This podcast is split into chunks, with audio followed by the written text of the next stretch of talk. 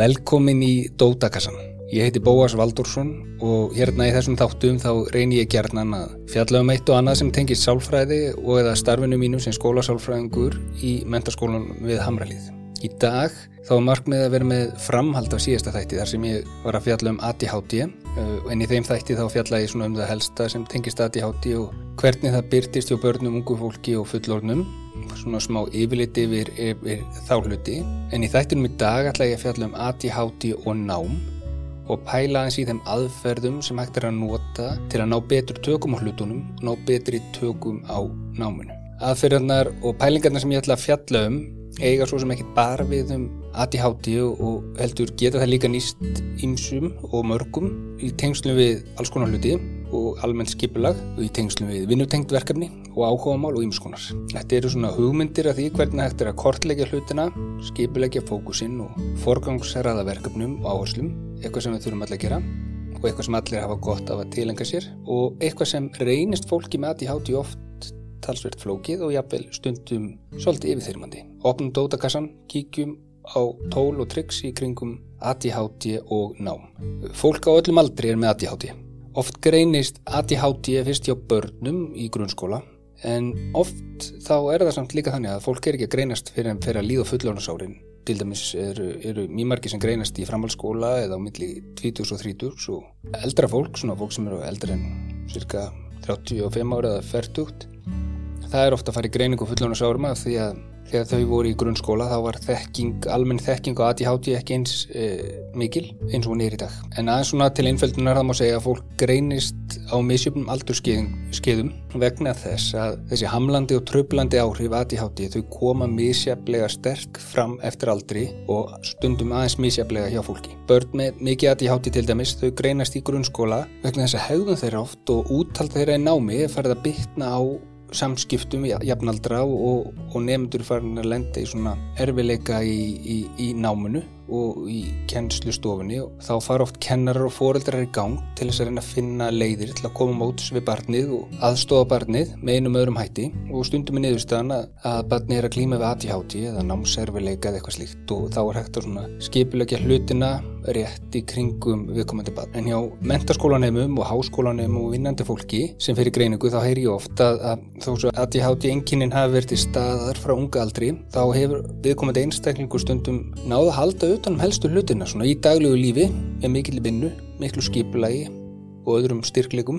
eins og með stuðningi og skilningi kennara, foreldra, vinna og þjálfar og svo leiðis. Þegar við sitjum berum þetta saman þá, þá eru hlutinur oft innfaldari þegar við erum yngri og fyrir þá sem eru með vægt og miðlungs ADHD þá nægir stundum að mæta þeim með því aðlega aðstöður í skólanum og heimilinu með því að hjálpa þeim að stunda áhuga mál og skipilegja hlutina og það hjálpar barninu að ná árangri og, og, og njóta sín. En þegar við erum orðin eldri þá þegar, þegar við förum í framhaldsskóla og háskóla og, eða á vinnumarkað og flytjum heimann þá mingar alla jafnan svona utan að komandi stuðningur. Og það eru oft svona meiri og meiri kröfur sem eru gerðar til okkar sjálfra. Við þurfum að bera ábyrð á hlutunum í meira mæli. Þegar við eldumst þá fáum við til og með auki sjálfstæði og Því fylgir ábyrð og viðfangsefnin, þau verða oft floknari og fleiri. Við þurfum sjálf ofta að halda auðvitað um marga bolta í einu, í lífinu og í starfi og í námi. Allt frá því að fara á réttum tíma að sofa, vakna á réttum tíma, muna hvað dasgráni er frá degi til dags. Halda auðvitað um ólíka hluti sem við erum að gera, undirbúa okkur fyrir próf, halda auðvitað um fjármálinn og þekkja hvað á hlutir hafa jákað áhrif á líðan okkar og, og þekkja og kunna leiðir og aðferðir sem nýtast okkur til að ná utanum þetta allt svo hlutinu gangi upp. Þannig að þegar við verum eldri þá, þá þurfum við sjálf að ná að halda utanum okkur sjálf og verkefnin okkar en við missum ekki boltana, náum að skila því af okkur sem við erum búin að taka af okkur og mæta í þau verkefni sem við, erum, sem við e, viljum verið í Og fyrir fólk sem er með ADHD, hvort sem er ráðandi aðdeglisbrest eða ofirkni kvartísi og aðdeglisbrest, þá verður þetta aukna fyrir ungt fólk og fullöru fólk, verður þetta aukna sjálfstæði og svo ábyrg sem fylgir því oft töluverð áskorun. Og þá kemur oft í ljós á þessum eh, árum þegar fólk er svona framhaldsskóla, háskóla, millir 20 og 30, þá kemur oft í ljós hjá sumum að, jú, ég menn að kemur ljós að við þurfum að nálgast hlutina eins með öðrum hætti, við þurfum að þroskast og læra til okkur ýmsar aðferðir og tryggs til að komast í gegnum þetta allt og, og sumir hafa komast að þeirri nýðustöða að, að þetta er of yfirþyrmandi og of flókið og fara þá kannski svona veltaði fyrir sig hvort þeir séu með ADHD eða með að fá mat á umfangi ADHD einnkjena. Það er hægt að gera bæði gegnum heilsugjastluna og hjá sjálfstæð starfandi sálfræðingum og geðlagnum með því að fara gegnum slíkt greiningaferðli og spurja sig þessar spurningar. Það fá sumir staðfestinga á því að þeir séu með ADHD en Sumir fá líka ábendingar um það að enginni sé ekki nægilega umfangsmikil eða aðri þættir eins og námserfileikar eða lesblinda séu uh, aðalástaðin fyrir erfileikunum sem við komum til að glíma við. En einnig getur bara einbeitningamandi fólks verið vegna ímissa annara þáttar, annara þáttar en ADHD eins og það er oft. Það hefur áhrif á einbeitningunum mín ef maður er undir miklu álæg, ef maður sefur ekki nægilega mikið, ef maður hefur fengið mikla höfuð áverka eða ef maður er að glíma við vanlíðan eða þunglindi eða vímuefnavanda eða annara svona tröflandi þátta í lífi fólks. Það getur allt ítt undir umhverfis áhrif og, og ymsil hlutir sem er í gangi hjá okkur getur ítt undir það að við verðum eirðalauðs og eiga erfitt með einbeitt okkur og, og svo er líka það bara einfallega það að fólk er misjaflega búið að þjálfa misjaflega mikið einbeitninguna sína og úthaldi sitt í svona námslegum verkefnum þannig að það getur líka stundu verið þjálfunarleysi eitthvað liti. En í þættunum dag þá er ég bara að reyna að setja þetta svona aðeins í samingi að því að Þetta geti nýst eh, fólki sem er á ólíkum stað eða ólíkum pælingum takturinn í dag en, en mér langaði svolítið svona í dag fókus á nokkuð tryggs og tóli kringum nám og skipulag sem ætti að geta nýst þeim sem eru með aðtíhátti í tengslu við námið en auðvitað geta þetta nýtst fólki bara almennt sem er einhverju hluta vegna að glíma við einbindning erfileika eða eða er auðvitað með haldið um dasgrána sína og skipulag og svo leiðis. Við þurfum öll að byrja eitthvað starf og þegar aðferðnar sem höfum verið að nota áður, virki ekki lengur, þá þurfum við að endur skoða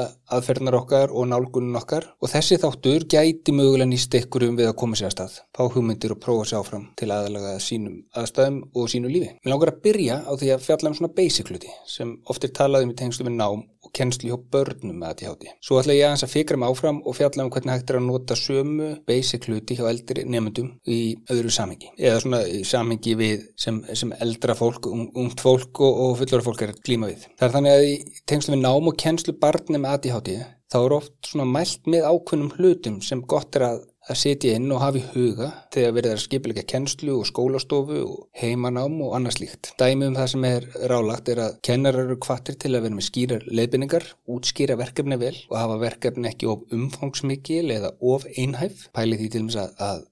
fyrirlestrar séu kannski ekki mikið lengri en 10-15 mínútur og hafa frekar nokkara svoleiðis í staðan fyrir að hafa fyrirlestur sem er klukkutími. Það er bara of mikið fyrir börni að ég setja undir slík svo löngum fyrirlestri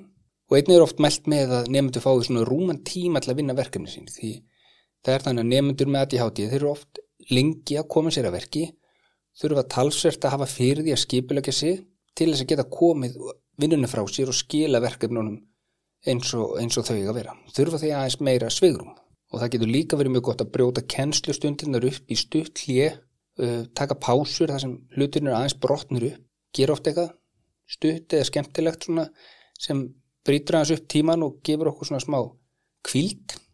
og þetta getur gefið nefndunum svona smá svigrum til að slaka á áður en haldið er áfram í, í náminu eða í kjenslinu. Í tengslu við yngirbjörn þá er líka oft talað um að auðvitað skiptir það máli að nefndur sé búin að fá góðan svepp því lítill svepp eigur alltaf einbytningavanda hjá fólki, getur ítt undir aukin aðteglisbrest og dreyður einbytningu og svo er líka bara mjög mikilvægt að huga almennt að skólastofinni eða heimanáms aðstæðanum að nefnendur læra oft betur eða er rólegt í umhverjunu og sumi nefnendur með þetta í háti og fullara fólk nota stundum bara heyrnatól til þess að, að, að, að einangra sig frá umhverjusljóðum svo þau tröflu ekki eins mikið og og eða fá kannski að fara í námsverð þegar þeir eru að vinna stærri verkefni þar sem er meiri, meira kannski afslappaður umhverfi. Og svo er líka bara mjög mikilvægt að kennarar og fóreldrar aðstóð yngri börn við skipilagdagsins, sitja upp myndir hann að stundaskrá eða eitthvað svona að sé alveg skýr áallum hvað er, hvað er framundan í dag. Það er oft sett upp með myndrænum hætti fyrir börn þessum stuðstur við svona uh, liti, stórt letur og myndir af því sem, sem á að gera í dag og svona til þess að hjálpa, hjálpa börnunum að festa hlutina betur um henni. En líkilatriði í þessu hjá öllum og bara í öllu námi er að nefndur endur taki verkefni sín, prófi sér áfram, æfi sér að gera miserfiða hluti. Oft byrja nefndur á að vinna léttverkefni og fara svo smá saman að vinna verkefni sem eru flóknar og erfiðari og þurfa svona smá að, að trappa sig upp í því. Þetta er svona oftast þannig í, í öllu námi. Og til þess að ná betra árangri á hlutunum, til þess að fá betri skilning þá þurfa nefndur alltaf að fá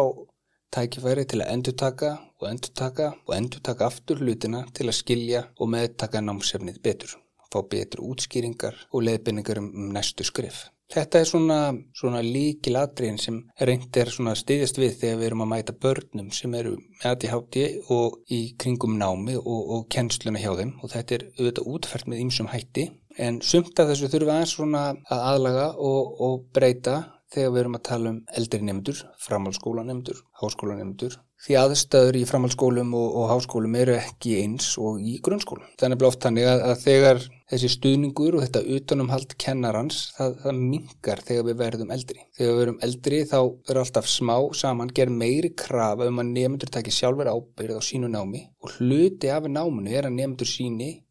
frumkvæði, forgrámsöða sínum tíma í námið og finni sjálf tíma til að vinna verkefni sem lögður fyrir í náminu á sínum eigin fórsöndum og kennarinn svona kannski aðeins til hliðar meira í leiðbennenda hlutverki til að kynna fyrir og, og stilla upp hlutum og svo þarf nefndin sjálfur svolítið að að vinna vinnuna. Marki nefndur sem ég tala við og er í mentarskóla, þau lýsaði þannig að þó, þau hafi til dæmis fundið fyrir aðti háti enginum í grunnskóla, þá hafið þau sumkver náða að halda vel utanum námið í grunnskólanum í framhaldsskólunum eins og það verða oft svona hraðabreitingar í náminu. Það eru meiri kröfur sem eru gerða til nefnda, það eru meiri kröfur gerðar um að nefndur beri meiri ábyrð á sínu skipilagi. Námið er oft umfangsmeira og, og jafnvel stundum og oft floknara uh, og stundum missa nefndur sem eru með aðtíhátti alveg fótana í framhaldsskólum að því þeim finnst þau ekki ráða við námið umfangið eða hraðan í skólan. Svo er það heitt sko, stundum vita nefndur ekki að þeir eru mati háti þar sem þau náðu að standa sér vil í grunnskóla og það fór engin greining eða kortlækning fram sérstaklega, en stundum vita þau að þau eru mati háti en vita samt ekki alveg hvernig þau eiga sjálf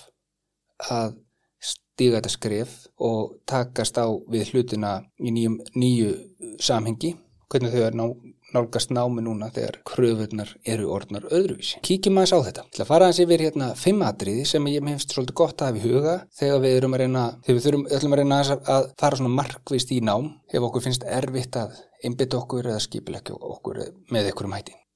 Í fyrsta lagi, þá er þannig að flestum finnst auðveldar að læra hluti sem þeim finnst skemmtilegir eða ef námið er áhugavert með einhverjum hætti. Það finnst flestum erfitt að halda sér að verki í námi sem höfður ekki til þeirra og þess vegna er mikilvægt að spyrja sjálfan sig að því, er ég í réttu námi með áhuga minn, áherslur og styrklega? Hef ég meira gaman af bóklum greinum eða hef ég meira gaman af verklum greinum? Finnst mér gaman að lesa skáltsugur eða kynna mér félagsfræði, sálfræði eða, eða læra nýtungumál? Nýt ég mín betur við að skrifa rítgerir eða þegar ég er að gera eitthvað í höndunum eins og spila hljófæri, teikna, smíða, skrúa þess undir tæki eða búa eitthvað til. Ólíkt nám er fyrir ólíkt fólk og við erum ekki öllins. Við getum ekki verið góð í öllu og okkur finnst ekki allt skemmtilegt, það er bara þannig. Og það sem ég á við er að í námi þá er mikilvægt að við séum á réttar hillu með að við okkur einn styrkleika og áhuga. Ef við erum á réttum stað í réttu námi þá er það líklegt það verði auðveldara fyrir okkur að leggja okkur fram, æfa okkur, minna verkefni og auðvelast betri færni í náminu sem við erum í. Þannig þetta þarf alltaf að skoða fyrst. Er ég í réttu námi og er þetta nám sem þar sem ég er að vinna get nýtt mína styrkleika í. Í öðru lagi, ef það er þannig að nefandi er í réttu námi, í réttum skóla út frá sín megin áhuga og styrklegum, þá þarf nefandi að taka ákvörnum það að gera það sem ætlast er til. Allt nám er krefjandi og allt nám er erfitt að ykkur um marki og það eru leiðinlegar og skemmtilega hliðir á öllu námi. Markmið nefnda sem hefur skráð sér í nám er að sína fram á það að hann hafi náð tökum á viðfangsefninu, skilji helstu atriði í námsefninu og geti svara spurningum á prófi eða skila einn verkefnum í tengslu við námsefnið hverju sinni og fær þá yngun og, og viðkenga á því að hann hafi lokið ákveðnum áfanga. Og til þess að nákuðum tökum á okkur þá þarf alltaf að verja talsverðin tíma í námið. Góð mæting í tíma er líkiladrið til að fá fræðsluna frá kennarunum og útskýningar og til átt að segja á því hvernig skilaverkefni eru skipluð og til að geta tekið átt í æmingum og dæmum í kennstundunum og til að vera heilt yfir betri í svona ná betri tengingu við námsefnið hverju sinni. Árum að byrja að leggja eitthvað á minni þá þarf maður að byrja að mæta og, og vera á tánum í, í náminu. Eittin þar nefndi að hafa gott skipulag dagbók eða, eða yfirleitt yfir hvern áfanga hafa yfirleitt goða yfirsýn yfir verkefnin sem er í áfangunum og, og skrifa hjá sér dagsetningar á skynduprófum og, og hvenar á að skilin verkefnum og slíkt. Í mentaskólum á nota flestir skólar svona kennslu um hverju innu, þar sem allar upplýsingar um alla áfanga eiga að liggja fyrir, kennslu á allanir og aðalatriði, upplýsingar um heimavinnu og skilaverkefni eiga að vera nokkuð aðgengileg þar og með skýrumhætti. En auðvitað getur nefndi líka ákveði að vera með eigin dagbók, til dæmis Google Calendar sem er ókipis, þar sem hann skráir inn allar íþróttæfingar, allt heimanám, öll bölv, próf, ammali og annað sem hann er að gera og þannig getur nefndin fengið mjög góða yfirsinni við dasgrána sína dag fyrir dag og viku fyrir viku og dreyið þannig úr því að tveir hlutir ekki stá. Ef það er mikilvægt próf á 15. morgun þá er kannski ekki gott að fara að balla á miðugdarskvöldi nema að nefndin sé virkilega búin að skipilegja sér vel og, og læra vel fyrir prófið áður en nefndin fyrir á ballið. Með því að hafa gott, gott svona kalandir þá fær nefndi svona betri yfirsýn yfir það hvað er framöndan og, og, og hvaða verkefni hann þarf að vinna. Í þriðja lagi þá snýst það svolítið að hversu mikilvægt er að hafa gott námskipula og svona utanum hald, utanum námið sjálft. Hvernig við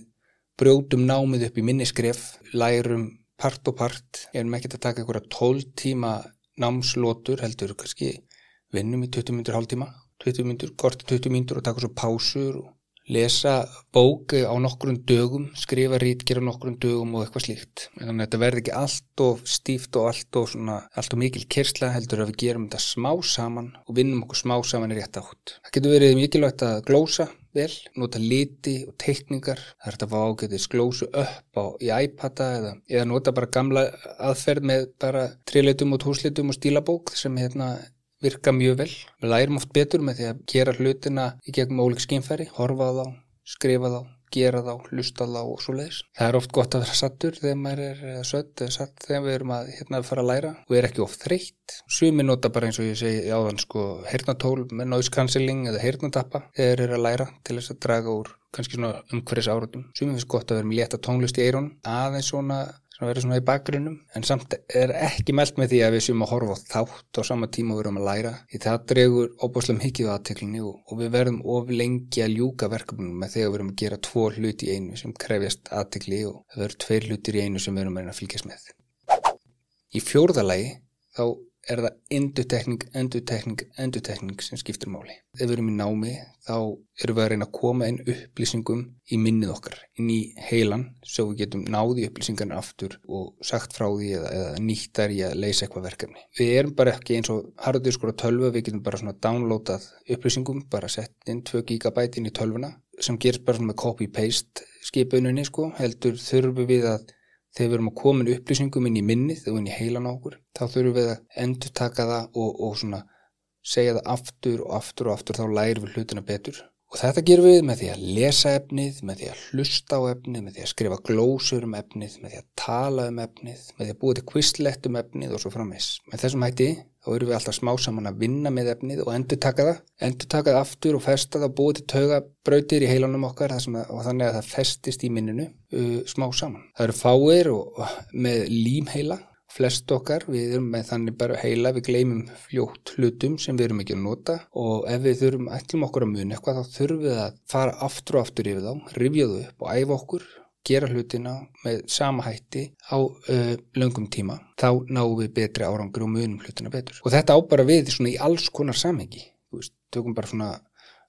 tökum, förum aðeins bara út úr skólastofunni menna bara það að læra á hljófæri þá þarf ég að, ef ég ætla að læra eitthvað nýtt stef, eitthvað nýtt sóló eða nýjan hljóm eða nýtt lag þá þarf ég að spila lagið aftur og aftur og aftur til þess að það spilist vel til að pölu butanir minni rata á réttan stað það verði færi mistök og þetta hljómi betur. Ef ég ætla að læra að halda á fókbólt á lofti eitthvað sem ég hef aldrei nátt tökum á þá þarf að eða miklum tíma til þess að æfa samhenguna standa út á fókbaltafelli eða út á stjætt og reyna aftur og aftur og aftur að sparka bóltunum hafa stjórn á honum og ná að snerta ná hans að detti í jörðina og þegar við eigðum tíma í að spila hljófæri eða sparki fókbalta þá næst betri árangur smá saman. Sá sem æfi sér mikið á hljófæri eða er í, fyrir oft að gera fókbalta tæknaæfingu, hann nær sá einstaklingur smá saman betri tökum æfingunni en sá sem æfi sér sjaldan. Það segir sér bara sjálft og sama ávið um allt annað ná. Það er oft ekki nóg að lesa glósur bara einu snifir eða reyna hratt yfir skáltsugu til að vera vel undirbúin fyrir próf. Heldur getur verið gott að nálgast efni aftur, rifjað upp, skrifa niður aðalættri. Sumum finnst ég að vera gott að tala bara við sjálfa sig um efnið eða tala við vini um efnið eða glósa með því að búa til hlaðvörp um efnið eða svo framvegs. Í bókinni hámars árangur í námi með ADHD sem seldir hjá ADHD samtökunum þá er talað um gott sé að nota mörg skilningavitt til að læra hluti. Og mér finnst þetta, hérna, mér finnst þetta svolítið góður punktur. Uh, við lærum ekki bara með því að sjá en veist, það getur verið mjög sumir eru mjög sjónrænir og það hjálpar þá oft mikið að sjá hlutina fyrir sér skoða myndir og töblur búa til hugkort eða myndranna glósur eins og ég nefndi á þann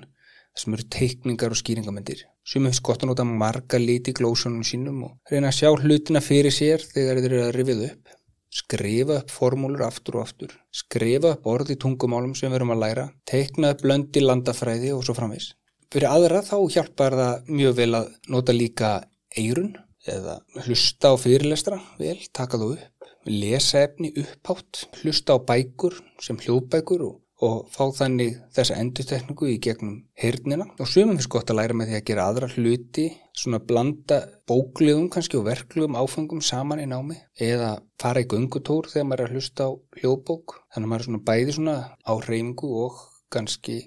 í, í við, við, hérna sitja við og einbetta sér blanda því saman, það var svona fjölbreytni. Í fymta lagi þá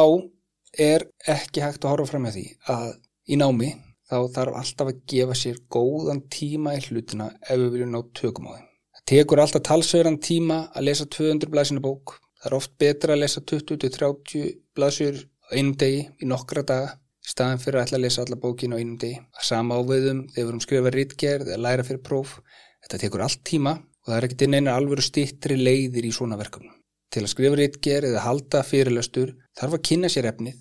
afla heimilda, lesa heimildirnar og setja svo sama efni setja efni saman eins og við viljum hafa það. Og þetta að undubúa, lesa og vinna úr efnunni er tímafrekt og reynir á aðtiklun okkar og skipilæði hjá okkur. Og það getur verið bara mjög erfitt og stressandi. Ef við ætlum að reyna að klára svoleiðsverkefni hratt. Ef við ströndum og festumst í hlutunum eða vitum ekki hvern við eigum að vinna verkefnið þá byggjum við um aðstóð tölum við kennaran, tölum við námsrákjáðan förum í námsver, tölum við skólasálfræðing eða tökum spjall við foreldra okkar eða við vinn okkar, fáum aðstofið að skipilagi okkur og forgangs á hlutunum og höldum áfram og nýtum tímanu vel. Góði námsmenn þeir nota alltaf alla þá hjálp sem þeir geta fengið. Láta vita þegar skilja ekki eitthvað og fá leiðsögn til að skilja hlutina betur. Og allt nám tekur tíma og krefst þess að við gefum okkur enn tíma þá náum við betur tökum á því og við getum eh, haft eh, fengi meira út úr því. Við erum svona nálgast eh, síðasta punktin hérna og svona ég ætla að gera smá samantækt að þessu sem við erum búin að fara hérna yfir í dagin. Ég vona eitthvað af þessum pælingum ég að hjálpi þér að, sem, og eitthvað sem þú tengi við til að ná betur utan hlutina. Það er nöðsynlegt að hafa gott skipulag og nálgast verkefni markvist og ímislegt sem hægt er að gera til að ramma hlutin inn og skapa betri yfirsín og ná þannig betri tökum hlutunum. Það krefst mikill að vinna verið námi og það er oft erfitt að læra nýja hluti. Það reynir á hausin okkar, minnið okkar, úthaldið okkar. En til þess að auðvelda sér námið þá þarf nefndi alltaf að gefa sér góðan tíma, sinna námunni jamt og þétt, vinna markvist og endur taka verkefni, dæmi, skrifu glósur til að rifja upp og festa þekkingu í minnunu smá saman og ná þannig betri tökum og skilningi á því sem er verið að læra. Ég fóri við fimm punta í dag, svona líkilatri sem ég hérna aðeins að nikja á. Það er þetta, það er mikilvægt að vera í námu sem við viljum vera í og finna leiðir til að gera námi fjölbreytt og skemmtilegt. Það er auðveldar að læra skemmtilega hluti en öllu námi fylgir líka fög og greina sem við tengjum ekki engis mikið við og þeim þarf að sinna líka. Það er mikilvægt að taka ábyrð á sjálfu sér. Ef við skráum mig í nám eða vinnu eða hvaða nú er, þá er gott að setja metna sinn í það að við sinna því verkefni vil. Það er hægt að gera með því að mæta vel í tíma, mæta vel í vinnu, halda vel utanum allt skipulag, með því að fylgjast vel með á innu eða vera með dagbók þar sem öllum verkefni koma fram heimanám og próf eru skráð og þannig mingur líkurnir á því að eitthvað glemist og fáum líka betri yfir sín yfir það sem er framöndan og þá líka upplöfið örlítið minnistreitu að við, við vitum hvað er að fara að gerast. Það er mikilvægt að nálgast allt nám skipulega. Ofta gott að gera stóra hluti eins og rítgerir og skálsugur í litlum skrefum, sinna heimanámi í stuttum lótum þar sem gertir ráð fyrir því að taka pásur og svo gott að halda utanum glósur og glærur með skipulugum hætti nota liti og myndir í glósum, notast við hirnatól til að minka tröflandi hljóðu umkörunu og auðvitað er góðsvepp, reyfing og gott mataræði líka hluti af góðri námstækni. Það er mikilvægt að endurtaka, endurtaka og endurtaka. Vinna með námsefnið, lesa það, hlusta á það, glósa, tala við nefndur, fara við glósur, skreita þær, laga þær, tala við sjálf og sig um efnið, Þetta eru allt námstæknitól sem hjálpa okkur að endur taka hlutina og festa þá þannig betur í minninu og þannig skiljum við betur og þannig, þannig tengjast við líka námsefni af meiri dýft og fáum meira út úr náminu. Mikilvægt er að gefa sér tíma. Allt nám eða allt sem við erum að læra tekur tíma. Við þurfum að æfa okkur í að hafa úthald í námi, við þurfum að æfa okkur í því að leggja okkur fram og þannig verðum við svolítið að skipilögja okkur þannig eða gera hlutinu þannig að taka frá tíma til að sinna náminu og æfa okkur í að einbytta okkur að einu í einu og það gerum við með því að gefa okkur tíma, með því að endur taka hlutina, æfa okkur í þeim. Smá saman þá skilar svona nálgun sér oft í betri færni og aukinni þekkingu og meira sjálfströsti í námi og vinnu. Við getum lært með því að skoða hluti, nota sjónrænt nám, horfa myndir, skoða glósur. Við getum líka hlusta á hljóðbækur, hlusta á samnefnendur og kennara og við getum verið að gera hluti, skrifa hluti upp, teikna skýringamundir, þýða orð með því að skrifa þau og reikna með því að skrifa hluti aftur og aftur og aftur. Þetta hjálpast alltaf og kemur okkur alltaf einu skriflenga. Þín leiði þessu eins og öðru er að finna hvað virka fyrir þig og það er í sjálfu sér frekar líklegt að ykkur útfarsla þessum hlutum sem ég er búin að nefna henda og fjalla hefur um þættunum komið til með að nýtast hér í námi eða vinn. Ég eins og ég sagði á þann, námi er aldrei mjög auðvelt en með því að nálgast að markvist og með góðri námstækni þá verður það auðveldara og margir upplega nám þannig að þegar þeim tekst að sinna námi með því að ná betur tökum og skilja efni betur þá verður námi oft skemmtilegra og innihaldsrikara og þannig græðir nefnandun alltaf mest á því leggja sér fram. Gangi þér rosalega vel í þínu námi eða þeim verkefnum sem þú ert að pæli vonandi hefur þú fundið eitthvað hérna í þættinu sem þú getur nýtt þér í þínu lífi. Ef þú ert með einhverjar hugmyndir eða tilugur efni sem tengist þættinum í dag þá væri gaman að heyra frá þér eða ef þú ert með einhverjar hugmyndir eða tilugur að öðru efni sem væri gaman að fjallum þá væri líka gaman að heyra frá þér og þú getur til dæmis sendið nafnlösa ábendingar í gegnum skráningaformi sem ég hef setti hérna með þættinum þá myndi ég geta haft þar pælingar eh, til hlýðsjónar í fljóðlega í næstu þóttum. Takk fyrir að hlusta, takk fyrir í dag, gangið vel.